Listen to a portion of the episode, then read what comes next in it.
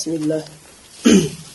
إن الحمد لله نحمده ونستعينه ونستغفره ونعوذ بالله من شرور أنفسنا ومن سيئات أعمالنا. من يهده الله فلا مضل له ومن يضلل فلا هادي له. ونشهد أن لا إله إلا الله ونشهد أن محمدا عبده ورسوله.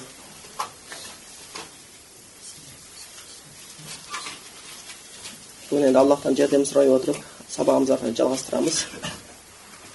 Имам науидің жинақтаған хадисінің ішінде оныншы хадиске жеткен екенбіз бүгін алла қаласа алла тағала баршамызды ықыласпен ілім іздегендердің қатарынан болуымызды нәсіп етсін және сол талаптарымызды қабыл етіп жәннатқа баратын жолымызды жеңілдетсін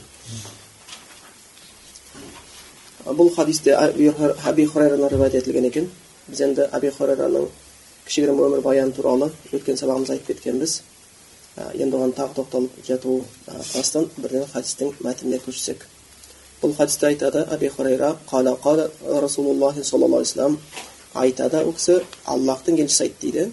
Инналлаха тайибун расында алла тағала пәк таза ла яқбалу илля тайибан және сол алла тағала тек қана таза болған нәрселерді қабылдайды. Расында алла тағала бұйырды иман келтіргендерді бима амара бихил мурсалин елшілеріне елшілеріне бұйырған нәрселерге.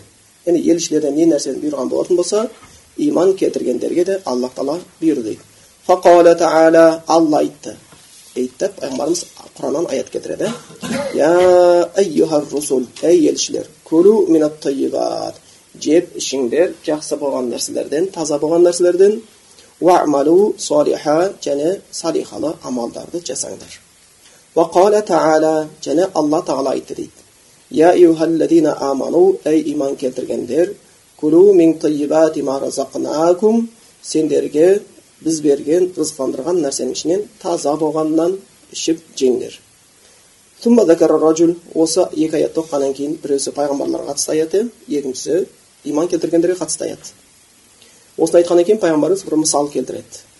Бір кісі туралы сафара сапарды жүрген адам және құр жүрген жоқ өте ұзақ сапарда. Ашғаса ағбара шашы ұйпа тұйпа болған ағбара үсті басы шаң басқан ямудду өзінің екі алақанын аспанға созып яғни алақанын жайып я раб я раб деп дұға қылып жатыр екен.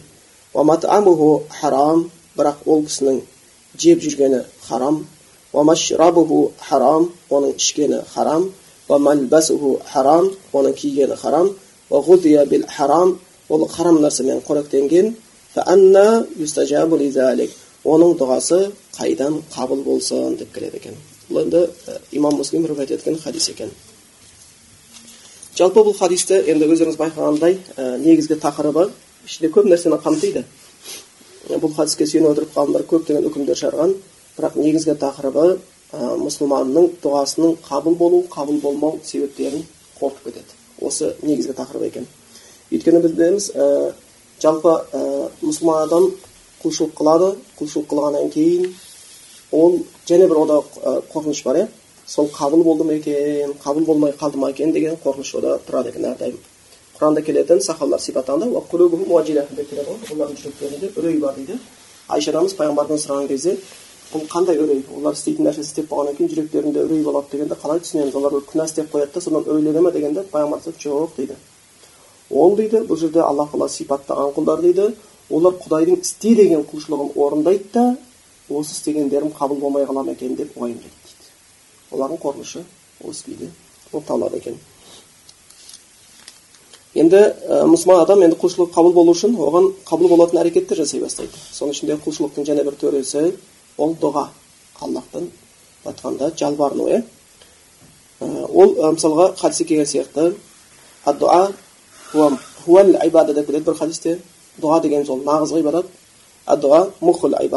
дұға дегеніміз ғибадаттың негізі дегенде хадистер келеді екен бұл маңызды енді сол маңызды болған ғибадатқа кедергі болып қалатын нәрселер де бар екен енді ол осы хадистің соңына қарай түсіндірмесінде келеді біз енді хадисқа жайлап мәтіндерін оқып отырып сөзбе сөз тоқталуға тырысайық бірінші хадистің басталуы инналлаха тайибун алла тағала таза пәк деген сөз тайиб сөзі өзі құддус сондай бір пәк деген мағына береді таза деген мағына береді енді аллахқа қатысты мұсылмандар оны иман келтіруінде жақсы біледі аллахта ешқандай кемшілік жоқ аллах тағала мәңгілік өлмейді ұйықтамайды қалғымайды яғни оның заттың сипаттарының бәрі кәміл болып табылады екен оның ешбір серігі жоқ енді сол пәк болған аллах тағала кемшіліктерден таза болған аллах тағала не дейді құлдарынан тек қана жақсы нәрселерді ғана қабылдайды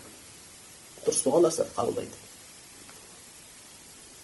енді жалпы пенделерге келетін болсақ аллахта ешқандай кемшілік жоқ бірақ пенделерде кемшілік бар иә түрлі кемшіліктер болады енді адамдардың құлдардың істеп жүрген істері сөздері өзі екіге бөлінеді қай жағынан қарасақ та сөздер жақсы жаман болып бөлінеді істер амалдар жақсы жаман болып бөлінеді адамның тіпті ішкі дүниесіндегі ойлары ниеті жақсы жаман болып бөлінеді адамның ішіп жүрген тамақтары да жақсы жаман болып бөлінеді ал мұсылман адам жақсыға қарай ұмтылады.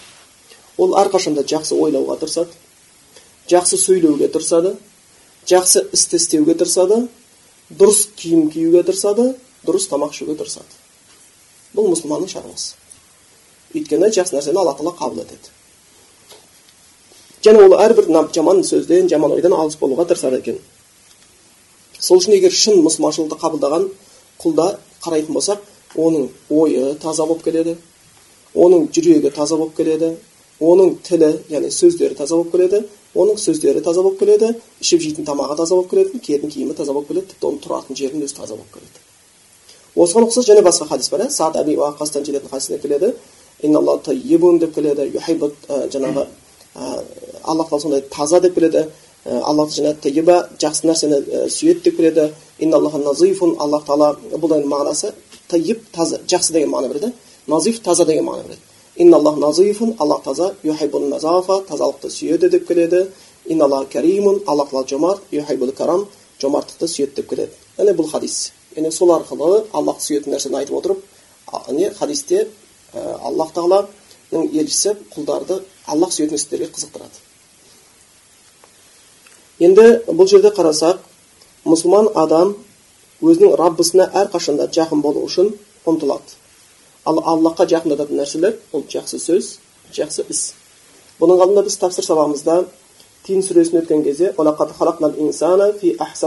деген аяттың тәпсірін өткенбіз иә алла тағала айтқан адам баласын біз өте көркем бейнеде жараттық деген қай жағынан болса да ішкі дүниесі болсын сыртқы дүниесі болсын яғни адам өте көркем күйде жаратылған оған көркем істер мен көркем сөздер ғана жарасады. Яғни адам баласы күнә сөз күнә істесе ол ол үшін жаратылған жоқ түсіндіңіздер ғой? Ол өзінің жаратылған нәрсесін орындап жатқан жоқ. Яғни адам көркем жаратылған оған көркем сөз көркем іс жарасады сол оның дәрежесін көтереді. Қай кезде адам баласы көркем іс пен көркем сөз істемейді оның дәрежесі түседі құлдырай бастайды. Енді ә, сондықтан мұсылманның қарайтын болатын болсақ ол өзінің ойын таза ұстауға тырысады оған байланысты көптеген хадистер бар оның ойын таза ұстауға бұйыратын көптеген аяттар бар пайғамбарымыз жеткен хадис келеді мына көптеген күдікті ойдан сақ болыңдар дейді яғни пайғамбарымыз мида өзінің басында яки жүрегінде күдікті ойларды сақтап тұрудан тыйған өйткені күдікті ойлар ол көбінесе өтірік дейді өтірік дейді адам мұсылмандардың арасында кей кезде бір біріменен жараспай қалуы бір бірінен ә, бір татулықтарын жоғалтып алу себептері олар осы хадисті ұмытқандығынан болып қалады. Өйткені оның ойын оның санасын жүрегінде туындап жатқан пікірлерін аллахтың көріп тұрған есіне шығарып қалады. Сөйтіп ол жерде жаман ойлар түседі. Ол бір құрт сияқты қаптайды. Сосын ол нақты көрмейді. Ол мұсылман бауырының кемшілігін көрген жоқ. Ол туралы жаман ойлайды содан кейін барып кемшілігін іздей бастайды ал енді құран өзіне келеді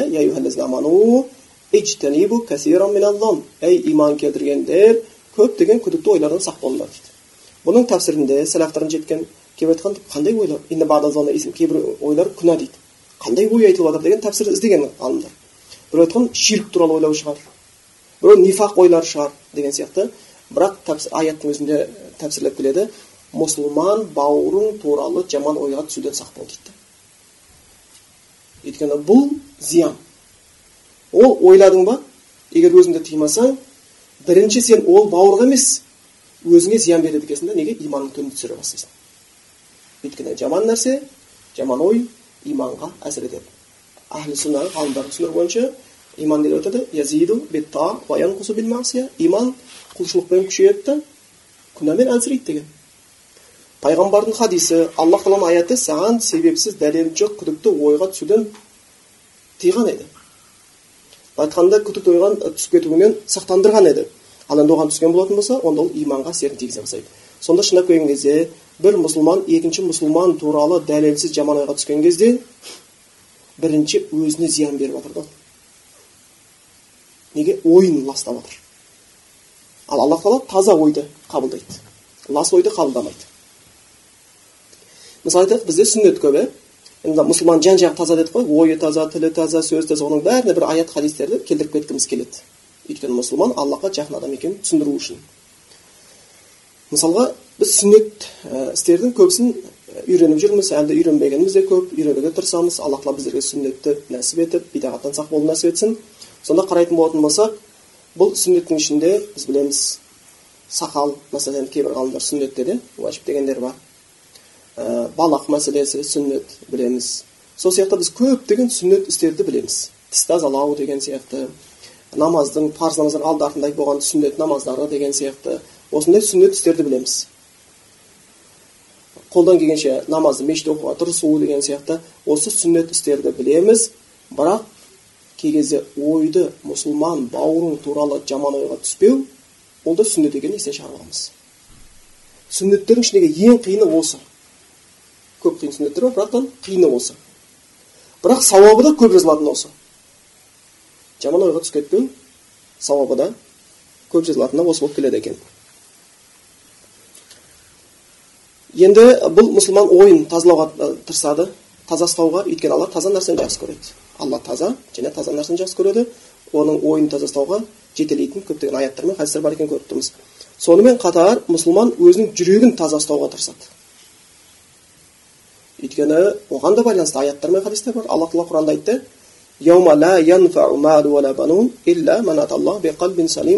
ол күні адамға малы да бала шағасы да көмектеспейді. Тек қана көмектеседі кім сау жүрекпен келген болатын болса кім таза жүрекпен келген болатын болса сол аллахтың алдында оны құтқарады қияметтің қиын күндерінде.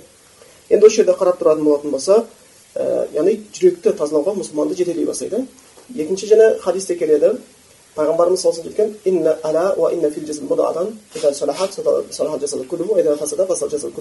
біліңдер жүректе бір кесек ет бар денеде бір кесек ет бар ол егер дұрысталатын болса бүкіл дене дұрысталады ол бұрысталатын болса бүкіл дене бұрысталады осы сияқты аяттар хадистер көп осы арқылы мұсылман өзінің жүрегінде таза ұстай бастады неге өйткені алла таза нәрсені жақсы көреді бір ұрттап отыратын су бересіз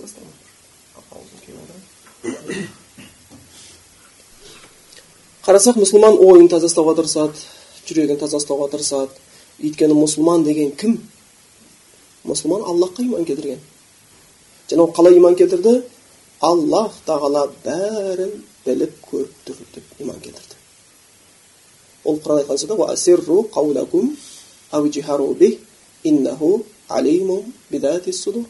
сендер сөздеріңді жасырың өз сыр қылып сөйлеңдер болмаса жария қылып сөйлеңдер аллах тағала сендердің іштеріңдегі нәрсені білу үшін тілдеріңнің қимылына мұқтаж емес аллах тағала кеудедегі нәрсені біледі кеудедегі нәрсені біледі сол үшін кей кезде кейбір ғалымдар айтқан сияқты бір адамды көресің сыртқы көрінісіне қарасаң құдайға жақын сияқты көрінеді бірақ ішкі дүниесімен құдайдан алыс адамдар бар дейді енді бір адамды көріп қаласың дейді сырт жағынан қараған кезде құдайдан алыс сияқты ма деп ойлап қаласың дейді бірақ ішкі дүниесімен құдайға жақын болатын пенделер де бар дейді өйткені ішкі дүниенің дұрыстай бастаса негізі сыртқы дүниенің де дұрысталуына қатысы бар екенін де естен шығармағанымыз жақсы. Сонда бұдан біз көріп отырғанымыз сияқты мұсылман өзінің ойын таза ұстауға тырысады.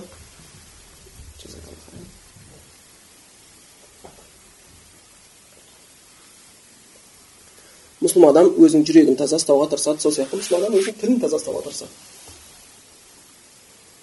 Адамның сөйлеп жатқан сөзі негізі ішкі дүниесінің көрінісі жалпы. Адамның ішкі дүниесі таза болатын болса сөйлейтін сөздері де өзінен өзі тазала бастайды мысалға сіздер жиі байқайтын шығарсыздар иә намаз оқымайтын жастар менен намаз оқитын жастардың сөздерін байқап көріңіздерші. Енді арамызда студент болып жүрген мүмкін жігіттер бар шығар. Болмаса мектепте жүрген бауырларымыз бар шығар. Нені байқайсыздар? Намаз оқымайтындарда сөзінде боқтау сөз жиі қолданылады. Құлап қалып үстін қағып жатса да а шешең деп боқтап барып үстін қағады. Дұрыс па? Яғни ар жағында шешең көбінекте әкең көбінекте мән бермейді. Да бірін біріне қаратпа сөздерін сөйлеген кезде өте ауыр сөздермен сөйлейді ей шакал бері келсейші деген сияқты. Мен енді түсінікті болу үшін айтуға мәжбүр болып отырмын бұл олардың айтып жатқан кейбір сөздерін ғана айтып жатырмын әйтпесе кейбір сөздер бар естуден қорқасың естуден ұяласың олар айтуға ұялмайды оны естуге ұяласың ал енді намаз оқығаннан кейінгі кейбір бауырларды қарасақ олардың сөзі не болады жаңағындай сүрініп құлап кетсе шалбардың қағбасына дейді субханалла деп қояды бір нәрсені байқамай жаман нәрсеге қарап қалса астағфиралла деп қояды бір нәрсеге қуанса альхамдулилля деп қояды аллахқа мақтау болсын аллах кешіре гөр мені алла сен пәксің сөз айтады неге өйткені ол аллахқа иманын дұрыстады да ішкі дүние дұрыс бола бастаған кезде сыртқы тіршілігі де дұрыс бола бастады жаңа жоғарғы хадис сияқты жүрек дұрыс болса дене дұрыс болады деген сияқты тіл дененің бір мүшесі ал енді оған байланысты хадистерде бар иә пайғамбар саллаллаху келетін хадисте келеді кім аллаға ақырет күніне иман келтірген болатын болса жақсы сөз сөйлесін болмаса үндемесін дейді біздің тілімізге байланысты қағида аузымыздан не жақсы сөз шығады ол аят болуы мүмкін ол хадис болуы мүмкін ол жұмсақ сөздер болуы мүмкін ол насихат болуы мүмкін ол біреудің көңілін көтеру үшін айтылатын сөз болуы мүмкін яғни әрбір жақсы шариғатқа күнә емес сөздер шығуға рұқсат етіледі бірақ күнә сөзге онда үндемей отыр дейді үндемей отыруға тырыс дейді сонда мұсылман адам баласы ол тіліне де қадағалай бастайды құранда аят бар иә алла айтады адамға есіне салатын нығметтердің ішінде біз адамға бір тіл бердік дейді лисан шафатайн екі ерін бердік дейді уағалейкум тілің біреу ердің екеуі деген сияқты ғой былай айтқанда аз сөйле көп жап деген сияқты тура осы аятқа бір тәпсір болатындай қазақта мақал бар иә? Қандай мақал бар? Келеді ғой. Бір елі ауызға екі елі қақпақ. Қарағандыда отырғаным есіме түсіп жатыр ғой. Таразда болсаң сразу айтатын еді бұл бір ел ауызға екі ел қақпақ дейді да. Яғни қарасақ сенің өзі адамда құлақ екеу көбірек тыңдап азырақ сөйлеген жақсы енді наоборот болатын болса көп сөйлеп аз тыңдайтын болатын болса ақыл төмендей бастайды. Ал көп тыңдап аз сөйлейтін болсаң ақыл көтеріле бастайды. Сол үшін мұсылман адам ол сөйлеген сөзіне де мән бере бастайды. Өйткені ол сөзіменен рабысына жағып жатыр да жақпай жатыр.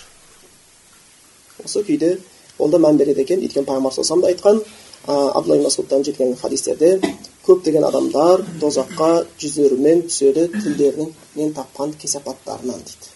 Тілдерінен тапқан кесапаттар себебінен көбісі тозаққа түсетіндігі белгілі болады екен. Сол сияқты мұсылман адам өзінің амалдарын да таза ұстауға тырысады. Жақсы амал істеуге тырысады. Мұсылман адам дискотекаға барып бөтен біреудің белін ұстап секеңдеп билеуге ұмтылмайды. Мұсылман адам қайта мешітке баруға тырысады. Уақытын тапса. Мұсылман адам бір бөтен күнәлі нәрсені тыңдап отырмайды. Ол тыңдаса құран тыңдағысы келіп отырады. Ісінің өзінде сонда берекет болады мұсылман адам мүмкіндік тауып қалса садақа беруге тырысады. Әрқашанда. Яғни оның істеп жатқан ораза қажылық намаз сияқты істерді істей бастайды. Әрқашанда.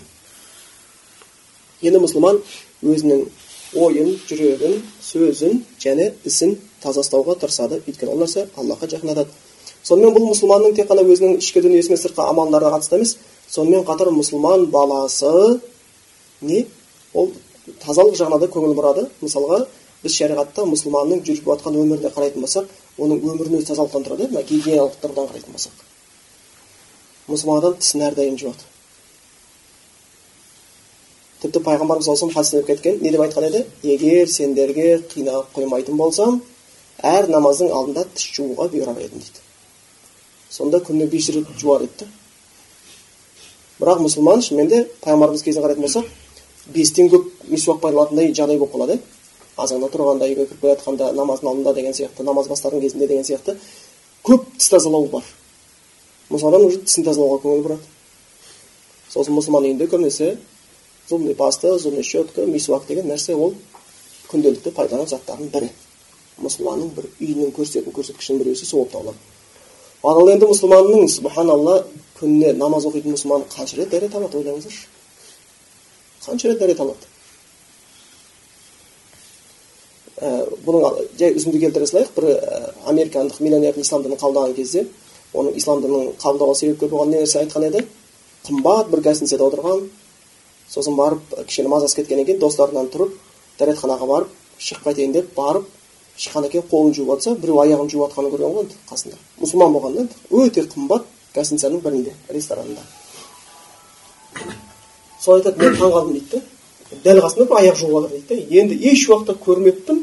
Көрген дейді біреу ауыз шайғанын көрген біреу бет шайғанын қол жуғанын бірақ аяқ жуғанды ол көрмеген ғой енді ресторан ішінде.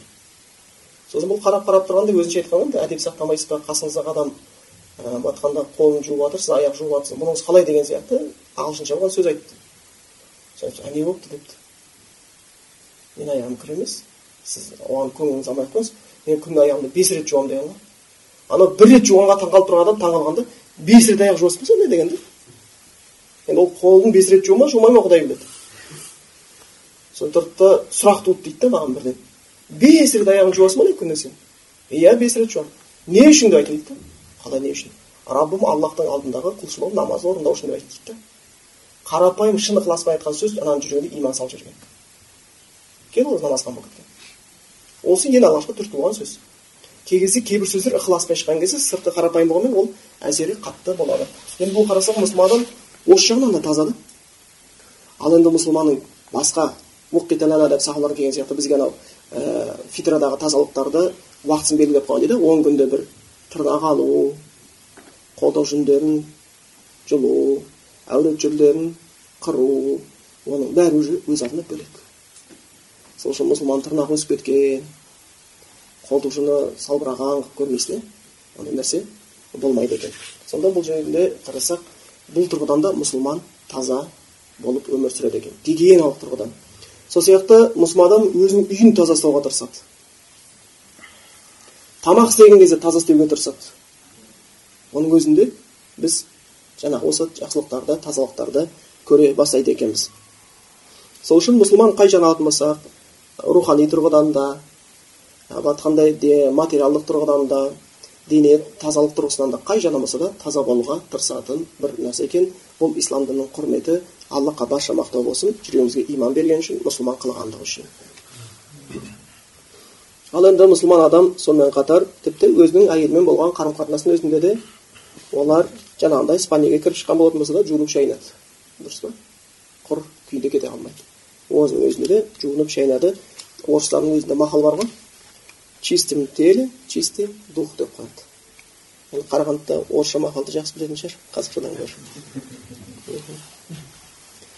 сонда тазадан таза рух болады деген сияқты бұл да әсер етеді ол да әсер етеді кейбір ә, мұсылмандарды жамандағысы келген топтардың айтатын айыптарының біреусі мен өзім онымен көзбе көз кездесіп сөзбе сөз сөйлескен едім егова куәгерлер дейді ғой соның беделді адамдардың біреусі енді ислам дінін жамандап өзінің дініне шақыру үшін айтып жатқан сөзі ғой менің атам да намаз оқыған апам да намаз оқыған азынан кешкен суға бейшараларды түсіріп қойыпты азынан кешкен суға түсе береді түсе береді түсе жаным ашып кетті бейшараларға ол суға түскеннен не пайда? Дым пайдасы жоқ қой. Ит. Дейді мынау бір көлдің мына шетінен сүңгіп ана шетінен шықса ит ит күйінде қалып кетеді ғой. Осы өзгермейді ғой деген сияқты. Осындай бір алдамшы сөздермен алдағысы келіп отыр екен да. Адамдарды бірақ біз сол адам қонаққа кетіп бара жатқан кезінде жуынып шайынып айнаға оң қарайтын шығар. Дұрыс па? Сонда ей сен не істеп жатрсыңдар тазала тазалама ит ит күйінде қалады ғой деп айтсаң жоқ дейді да. Ал енді адамның алдында беті қолын шайып былай айтқанда шашын тарап туфлиін майлап костюмін дұрыстап көйлегін тіктеп кетіп жатқан адам аллахтың алдында оны істеген иттің тірлігі деп санау ақымақтық та шындап келгенде мұсылман адам аллахтың алдында ол тұратындығын сезінеді. Сол үшін жуынады шайынады киімін дұрыстауға тырысады. Бұл да бір ә, жаңағы әдеттердің бірі болып келеді екен. Енді жалпы бұл ә, кіріспесі аллах тағала сондай таза және тазалықты сүйеді деп кеттік иә. Кейін айтады расында алла тағала. Мына алла тағала деген сөзі қазақтар көп қояды тағала деген сөз бұл арабтың сөзі. Жаңағы етістік сөз өткен шақ яғни жоғары болған алла тағала. Аллахтың заты да өзі де баршасы қадірі де жоғары екен амарал муминин аллах тағала бұйырды иман келтіргендерге бима амарал бихил мурсалин өзінің елшілеріне бұйырған нәрселерге осы жерден бір нәрсе шығады елшілер олар да құл олар да аллахтың бұйрығын орындайтындар түсіндіңіздер ғой олар да аллахтың бұйрығын орындайтындар бұл бірінші түсіндірме екінші екінші шығатын мағына пайғамбарлар құдайға иман келтірдім деген үмбеттер үшін үлгі. Түсіндіңіздер ғой? Өйткені аллах тағала пайғамбарларға бұйырған нәрсесін өзінің құлдарына да иман келтірген құлдарына беріп жатыр бірінші олардың пайғамбарлардың құл екенін айтып жатыр екіншіден бізге пайғамбарларды өздеріне үлгі тұтыңдар деген нәрсе жатыр да алла құранда ол жайында ашықта айтқан аяттар бар иә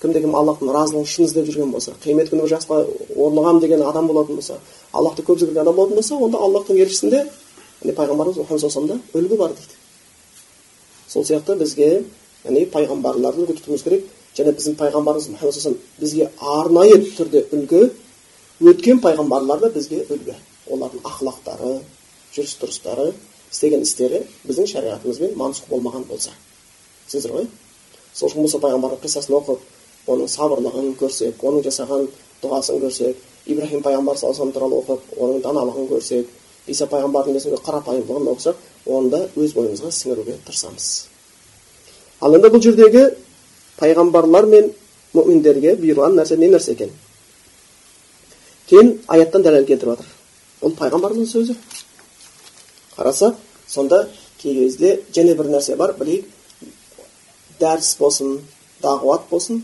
айтып жатқан сөзіңе аллахтың аятынан дәлел келтіріп отыратын болса бұл нұр үстінде нұр пайғамбарымыз хадисте айтты аяттан келтіріп жатыр пайғамбарларға қатысты аятты келтіреді және иман келтіргендерге қатысты аятты келтіреді екі аят өйткені сөз не деп келді аллах тағала өзінің иман келтірген құлдарына пайғамбарларға бұйырған нәрсесіне бұйырған дейді сөйтіп бірінші пайғамбарларға не нәрсе бұйырған айтады аятта одан кейін иман келтірген құлдарға не бұйырғаны айтылады енді бұл жерде келіп жатыр я расул ей елшілер күлу burada же деген мағына бірақ ішу де ішіне кіріп кете береді екеуі де ішіп жеу тамағына ішіңдер жеңдер тайибат жақсы нәрселерден халал болған таза болған нәрседен артынша уа амалу солихат және салихалы амал жасаңдар дейді енді бұл ә, жаңағы мүминин сүресінің елу бірінші аяты екен иә пайғамбарлар бұйырған ал енді иман келтіргендерге бұйырып аману ей иман келтіргендер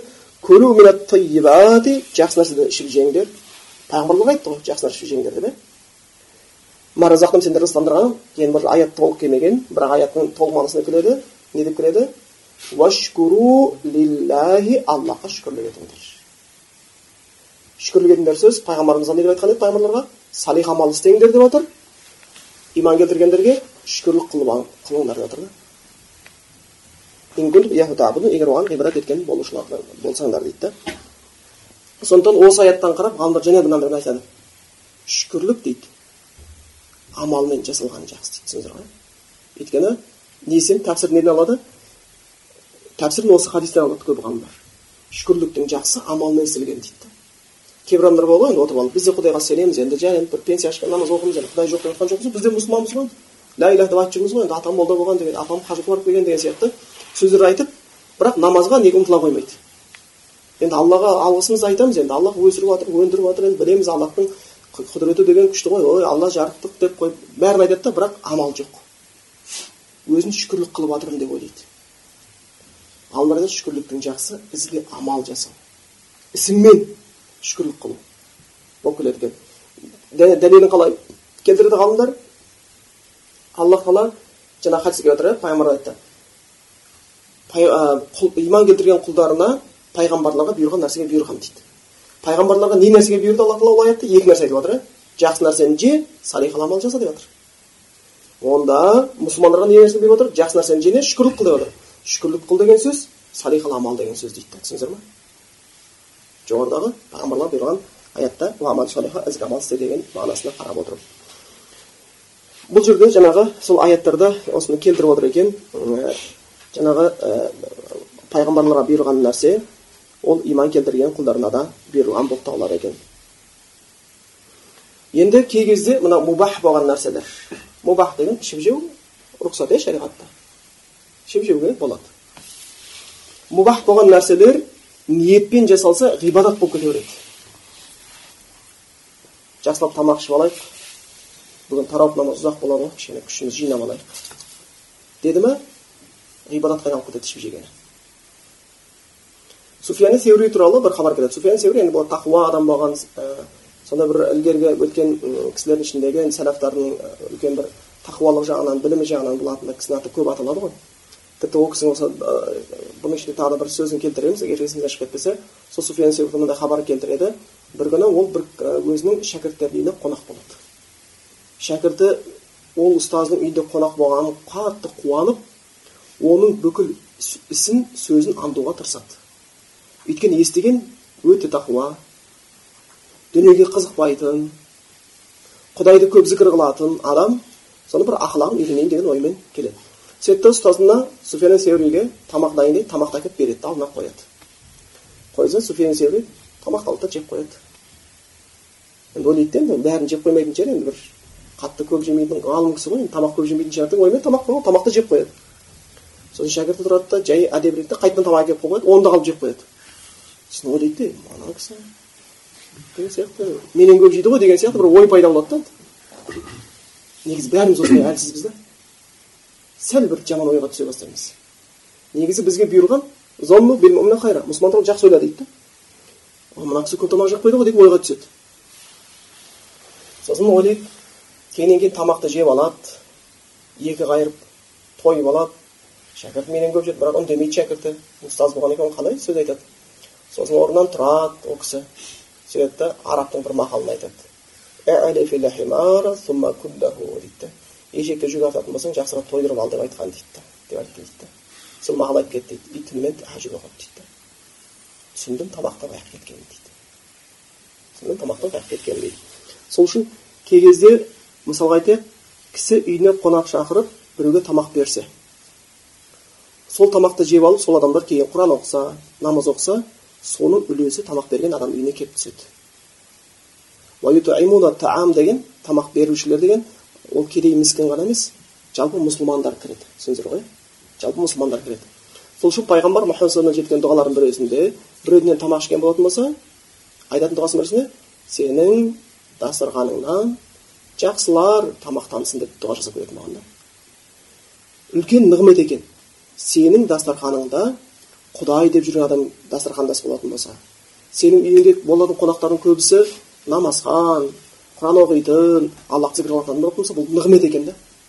Ал сенің үйіңдегі қонақтардың көбісі тәкаппар дүниені ұмытқан арақты батып ішетін мұсылманды жамандайтын адамдар болатын болса бұл бақытсыздық та.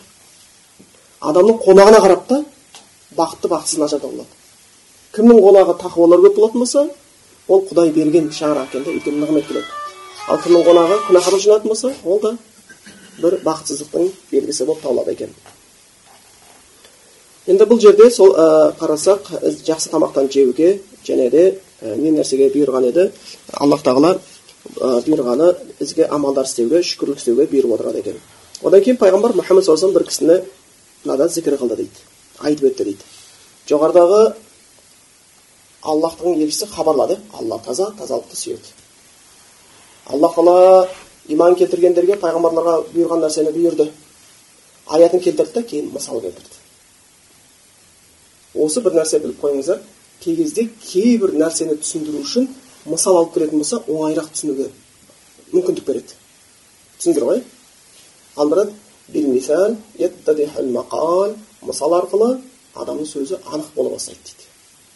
Кей кезде мысал келтіру өте жақсы. Сол үшін үлкен ғалымдардың өмірінде мысал болмаса қисса деген нәрсені керекті жерінде қолдануды байқаймыз. Яғни ол дәлел емес дәлелге түсіндірме ретінде түсіндіңдер ма дәлелге түсіндірме ретінде. Ал дәлел бізде ол құран мен хадис қана болып табылады екен. Пайғамбар мұхаммад саллаллаху бір мысал келтіреді. Мысалдардың ең жақсы пайғамбарымыз келтірген мысал бір кісі дейді. Сафар сапар енді сапар белгілі. Жолға шығу сапардың сапар аталу себебі. Не екенін білесіздер ма? Мысалы бір кісіні сен тани жақсы танисың ба жақсы танымайсың ба білу үшін сапарға шық деген. Омар сұрайды маған мысалы пәленше сен онымен сапарға шығып па едің деп айтады. Жоқ та сен оны танымайсың дейді. Болмаса мына ақша алыс беріскенсің ба дейді. Жоқ десе сен оны танымайсың дейді. Ал енді сапар деген сөз мысалға білсеңіздер құранда біз өтеміз тәфсир дейміз ғой. Тәфсир мен сапар деген сөз түбірі бір сөздер. Тәфсир деген не? Аятты айшықтайтын ілім. Анықтау үшін ал сапардың сапар аталу себебі жолға шыққандардың тәпсірі сол кезде пайда болады екен да. Жерде адам жомарт жақсы болады сапарда оның қандай адам екені белгілі болып шыға береді ұшқалақ па сараң ба сапарға шыққан кезде белгілі болып қалады бұрынғы адамдар адам тану үшін сапарда бірге жүруге тырысатын еді сапарда бірге жүруге тырысатын сол кезде оның жағдайы белгілі болып қалады екен құлшылығы қалай болады жүріс тұрысы қалай болады басқасы қалай болады деген сияқты онысы бәрі көрініп қалады екен енді бұл бір кісі сапарға шық дейді ал сапар деген оңай емес ал ұзақ сапар болса ол мүлдем оңай емес хадис бар азап сапар қиыншылықтың бір бөлшегі дейді қиыншылықтың бір бөлшегі тіпті ол сапар қазіргі біздің заманымыздағы жеті көлікті пайдалансаң да бәрібір өзінің ауыртпашылығы бар самолетпен жүрсең де оның ауыртпашылығы қалып кетеді пойызбен жүрсең ауыртпашылық қалып кетеді машинамен жүрсең де ауыртпашылық қалып кетеді араларыңызда көп сапарда жүрген адамдар болатын болса оны айтпай ақ біледі үйіне келген кезде не деп айтады жол соғып тастады деп алып келеді да қарасаң оңай келген сияқты. Оп оңай келген сияқты. Өйткені пайғамбар айтты ма хадис ол міндетті түрде болады. Бір қиыншылықтың бөлшегі деді. Сол үшін сапар қиыншылық болған үшін хадисте келеді. Үш адам бар дұғасы кері қайтарылмайды қабыл болады деген. Біреусі мұсафир сапарда жүрген адам деген. Да неге қиыншылық бар. Қиыншылық дұғаның қабыл болуына көмектеседі. Енді бір кісі айтып жатыр ол сапарда және ұзақ сапарда және не болған дейді шашы ұйпа таралмаған ұйпа тұйпа яғни жағдайы жоқ сапар мүмкін біздің кезімізде бар шығар бір жерге барсақ түссек гостиница жалдап гостиницаның ішінде су бар ма жоқ па деп сұрап тұратын шығармыз ал ол сондай сапар болды жуынатын су тапқан жоқ басқа тапқан жоқ сабыны жоқ басқасы жоқ шашы үйісіп қалды ағбара үсті басы шаң болды ілгергі уақытта жолда жүрген адамды сол үстіндегі шаңнан қарап білетін бұның алдында өткен жәбірел хадисінде екінші хадисінде біз айтқанбыз иә омар разиаллаху кіріп келген жаңа адам кейпінде кіріп келген жәбірел періште деп айтады оның бойында сапардың ізі жоқ еді дейді ол кездегі адамдар жолға шықса сразу білінеді шаң болады ауылдан ауылға келсе шаң болып қалады өйткені ол кездегі көліктері кондиционер бар машиналар емес ол кездің көліктері ешек жаяу жүрсең балаң шаң болады ешекпен жүрсең бәрі шаң боласың өйткені ешек түйе деген нәрсе шаңдатып жүретін жануарлар жаңбырдың астында қаласың желде қаласың күнде қаласың деген сияқты күннің әсері болады шаңның әсері болады жаңбырдың әсері болады да сенің үстіңде жолдан келгенің белгілі қалады енді бұл адам сапарда ұзақ болған шашы ұйпаланған үйісіп қалған үсті басы шаң шаң болған бұл да бір дұғаның қабыл болуға белгісі тәзәллүл дейді да бір сондай қорлық дәрежеге түскен төменшіктеген адамның белгісі сол үшін ғалымдар осы жерде бір нәрсе айтып кетейік сіздерге мұсылман адам киген киіміне көңіл бұру жалпы бізге рұқсат етілген киімдер бар иә мысалы әурет жеріміз жабылса біз киіміміз бар есептелінеді ал енді әурет жабылғаннан кейін киімнің және әдептері бар мұсылман адамға да мысалы еркек адам киім киіп алды ол әуретінің бәрін жауып тұр бірақ та либас шухра дейді ғой. Бір артистердің киімі сияқты болып кетпеу керек та түсіндіңіздер ма жалтыр жұлтыр бір бәле елдің бәрі бүйтіп қарап қалатындай жылтырап кетіп бара жатыр деген сияқты үстінің бәрі моншақ ілген үйткен бүйткен. Олай да жүруге болмайды. Бұл уже әдептерінен. Бірақ онымен намаз оқыса намазы қабыл. Ол парыз болған нәрсені істеп қойды. Екінші мұсылман адамға мысалы айтайық қазіргі кезде мода болып барады ғой. Тырыстырып джинсы киіп алу. Түсіндіңіздер ма сондай тырыстырады. Ол намаз оқыған кезде артында тұрған адамға ыңғайсыз сәл. Түсіндіңіздер ма өйткені оның еңкейген кезде формасының бәрін көрсетіп шығады да мұсылман қолынан келсе киімінің сәл кеңірек болғаны жақсы қатты кең емес. Яғни не үшін намаз оқыған кезде буын буынын қысып қалмау үшін намаз оқыған кезде дене мүшелері ашық қалмау үшін. Бірақ ол джинсилардың кей кей жері тар болатын және ыңғайсыз болатын жері оның әуретін томпайтып көрсетіп тұрады да бұл да жақсы емес сен мұсылман болатын болсаң сенің өзің сақалыңды қойып сен балағыңды қысқартып алсаң сосын тауықтың аяқ сияқты бір жерін томпайып тұрсаң жараспайды да сен айтайын деп жатқан сөзіңе түсіндіңіздер ма сенің айтатын хадисіңе сен айтатын уағызыңа жараспайды бір нәрсе ұмытпауымыз керек дінді қадірлемейтін адамдар біздің сөзімізден гөрі өзімізге көп қарайды киген киімімізге бәріне қарайды сол үшін осы жағды ескерген жақсы сонда жаңағы тып тырыстырып бір жерді томпайтып киіп алып ә, былай айтқанда ә, бір жаңағындай бір ыңғайсыз киімге түсуге болмайды екен өйткені киім ал енді керісінше өте бір шектен шыққан деген сияқты қолға алтынды тағып ә, киімді әбден жылтыратып пайда керек болса да керек болмаса да өте қымбат нәрсені киіп алып бір елдің киім кигенде мақсатың енді көрпеге қарай көсілу емес елдің алдында өзің ерекше екеніңді сенің бір мықты екеніңді жаңағы не падеж встречать деген сияқты сол арқылы көрсету келетін болатын болса бұл да дұғаның қабыл болуына әсері бар дейді ғалымдар. түсіндіңіздер ғой? Киімнің қарапайымдылығы дұғаның қабыл болуына қарай көмектеседі. Киімдегі тәкаппарлықтың көбеюі дұғаның қабыл болуына кедергі жасайды. Мына жердегі дұғаның қабыл болуына және бір мүмкіндігі бар еді бұл кісінің. Не? Киімі көрінісі деп айтқанда төменшіктегі қарапайымдықтың белгісі пайда болып жолға жүруге байланысты. Кейін екі алақанын аспанға жайған дейді. Дұғадағы әдеттің бірі иә осы жерде бір нәрсе айтып кетейінші. Кей кезде мынандай нәрсе пайда болады біреулер шығыпты дұға қылған кезде алақанын жаймайды дұға қылған кезде алақан жаюға болмайды деп айтады екен бір уахабистер бар екен анау енді көбісі білімсіз бір біріне тиісу ғой. Біз білмейміз енді кім не істеп не қойып жатқанын. Жалпы дұғаның әдебінде алақан жаю бар. Бұда талас жоқ. түсіндіңіздер ғой? Осы хадис бар басқа да хадистер бар. Келетін жаңағы жаңағы қол жаюға талас тек қана не мәселеде бет сипау сипамауда ғана алақан жаюда емес бет сипау сипамау мәселесінде ғана талас бар. Бірақ оған байланысты әлсіз хадистер де бар. Келген сияқты абдулла деген сияқты. Бетін сипамасын алақан түсірмеуші еді деген сияқты мындай бар. Олар жинақталып келіп перғамбар хасан дәрісіне көтерген. Сондықтан бет сипау мәселесі келгенде ғалымдар не деп айтқан? Уәлә мәмур уәлә бет сипамаған адамға бетіңді сипа деп бұйырмаймыз. Бетін сипамаған адамға неге сипадың деп? Тыймаймыз дейді да. Түсіндіңіздер ғой бетін сипаған адамға бір оны бидағат істеген сияқты көріп жатпаймыз. Бетін сипаған адамға оны бидағатшы болмаса бір адасқан ретінде және көрмейміз. Қол жаюда талас жоқ бет сипаудан талас бар бұл енді жай арасына кіріспе ретінде қойып кеткенім ғой. Енді бұл адам екі қолын жайып аспанға жайып жатыр екен. Және айтқан сөзі я раб я раб ей раббым ей раббым деп келіп жатыр екен. Енді қарайықшы. Бұл адамда дұғасының қабыл болуға бірнеше мүмкіндіктер бар еді. Бірінші бұл сапарда. Сапардағы адамның дұғасы қабыл болуға жақын екендігін ойласа жоғарыда хадис кеттік иә айтып кеттік. Деген сияқты. Үш адам бар дұғасы кері қайтпайды. Соның біреусі әл мұсафир сапардағы адам. Дұғасы қабыл болады екіншісі бұның үсті басы шаршаған тозған қиналған адам. Екінші көбінесе дұғасы қабыл екінші мүмкіндік бар еді. Үшінші бұл алақан жайып жатыр алақан жаю және дұғаның қабыл болуына себепкер болатын нәрседен кіреді пайғамбар мұхаммед мұстафа саллаллаху алейhi жеткен хадисте келеді. Алла ұялшақ кәримун жомарт өзінің құлынан ұялады дейді аллах тағала субханалла сондай аллах тағала өзінің құлынан ұялады. Аллах құлына мұқтаж емес құл біз аллахқа мұқтажбыз құлынан ұялады деп не дейді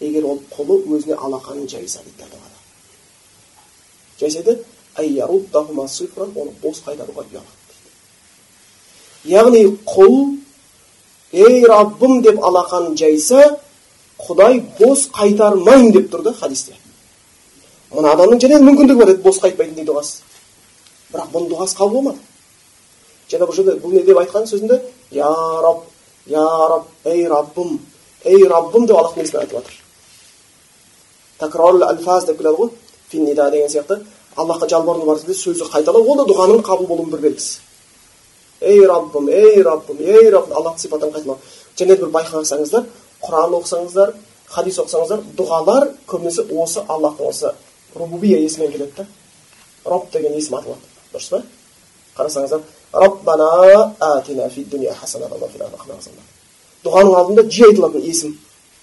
раббымыз дүниеде жақсы бір ақыретте тозақтан сақта деген сияқты болмаса алла тура жол салған екен жүрегімізді айта берме деген сияқты алла мені менің ұрпағымды намаз оқитындардан қылып бер деген сияқты көптеген дұғалар қарасақ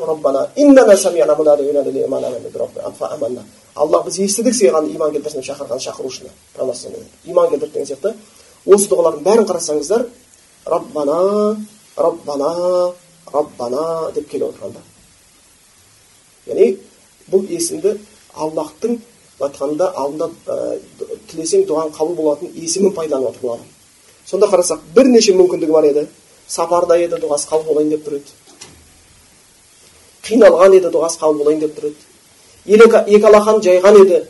Дұғасы қабыл болайын деп тұр еді раббым раббым деп аллахтың есімін қайда қайда айтып жатыр дұғасы қабыл болайын деп тұр еді бірақ бұл адам дұғасы қабыл болмады дейді. Қайдан қабыл болу былай дұрыс қайдан қабыл болады дейді да.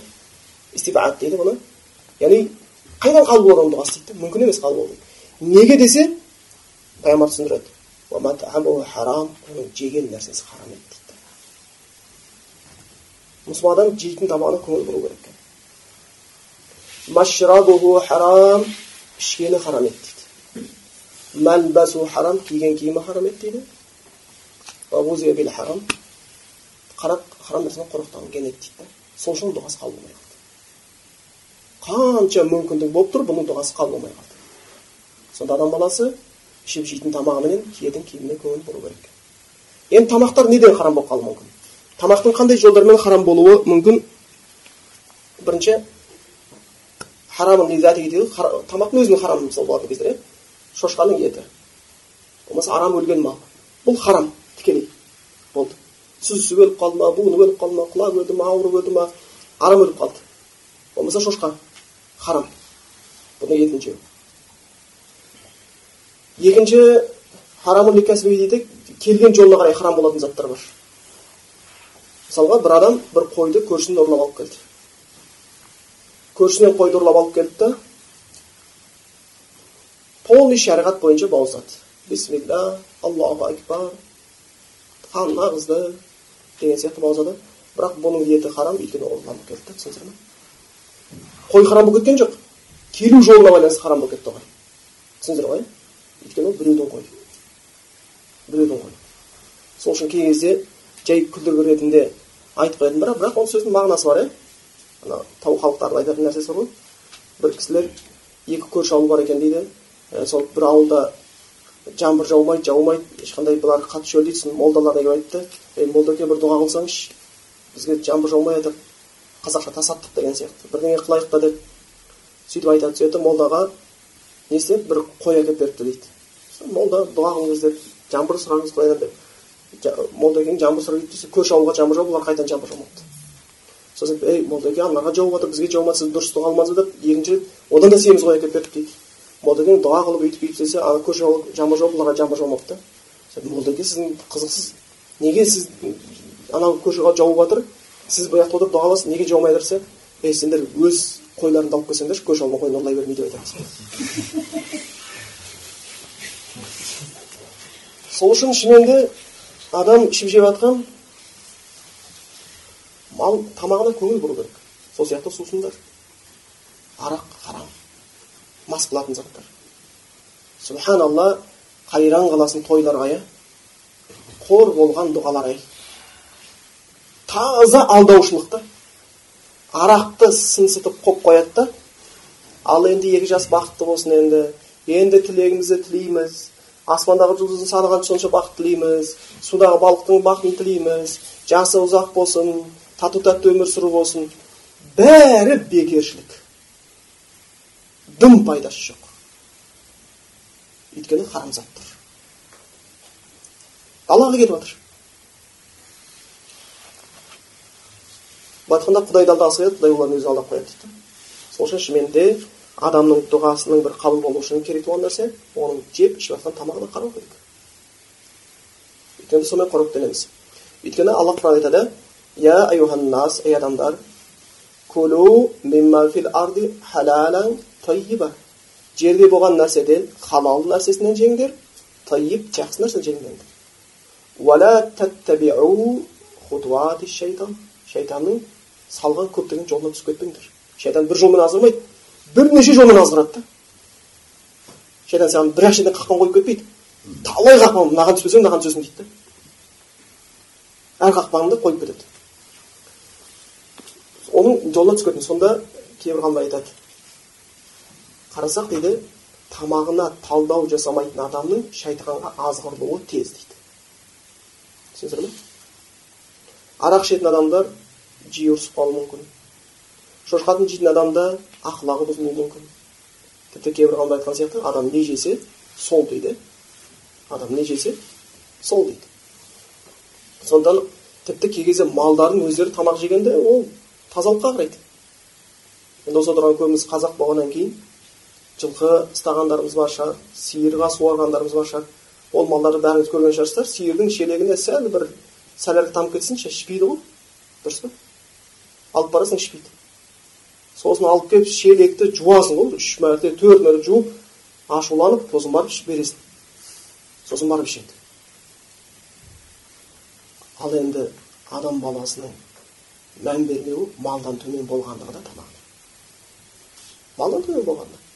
Адам мән беру керек.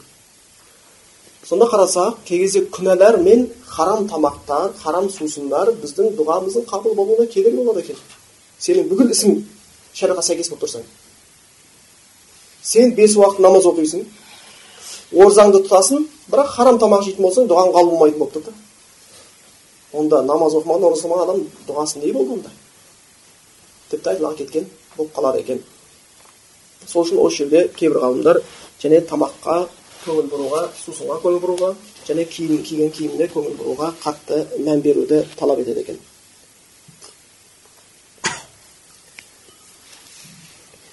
және де ә, киім киім мәселесіне келетін болатын болсақ киім қалай харам болып қалуы мүмкін егер ол шариғатқа сәйкес келмеген бір киім болатын болса және де ол киім ә, мысалға ұрланған киім болатын болса. Біреудің барып киімін шешіп алдың да тартып алып өзің киіп алдың. Онымен одан кейін дұға жалбарынатын болсаң дұғаң қабыл болмай қалады екен дұғаң қабыл болмай қалады екен. Сондықтан шынымен де адам бір таза жолмен әрекет жасау керек. Жалпы ә, шындап келген кезде кей кезде мынандай бір адамдар бар өздерін өздері алдайды. Енді біздің тілімізде рекет деп аталып кетті ғой қарақшылықпен айналысатындар болады. Оларды кейбіреулер ақтағысы келеді қарақшылық істерін. Жоқ қарақшылық еш уақытта ақталмайды. Қарақшылық ол қарақшылық. Кейбіреулер оларды өзіне үлгі тұтқысы келеді. Жоқ олар үлгі болатын адамдар емес.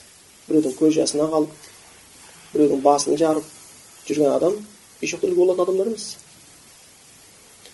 Олар келеді да ей біз байлардан тартып аламыз да кедейлерге таратамыз деп қояды да. Кедейлерді жұбатып жүрміз. Жесірлерге көмектесіп жүрміз деді саған міндет емес сен ақшаң жоқ болмаса көмектесу сен байдан тартып алып кедейге ақша бергеннен гөрі біреуді жылатып одан да базарда таш киітергенің сен үшін артығырақ та өйтіп өзін алдауға болмайды өйткені хадистің басында келді алла таза таза болған нәрсені қабыл ұрлықтан қарлықтан келген нәрсемен берілген садақа қабыл емес түсіндіңіздер ғой біреудің көз жасын алып тартып алған дүниемен біреудің ақшасын тартып алып біреуге садақа берген қабыл емес. Яки болмаса процентпен ақша таптың одан садақа беріп жатсың қабыл емес. Біреуден пара алдың одан құдай тамақ өткіздің қабыл емес. Яғни харам жолмен келген нәрседен бір нәрсенің қабыл болуын үміт етуге болмайды екен.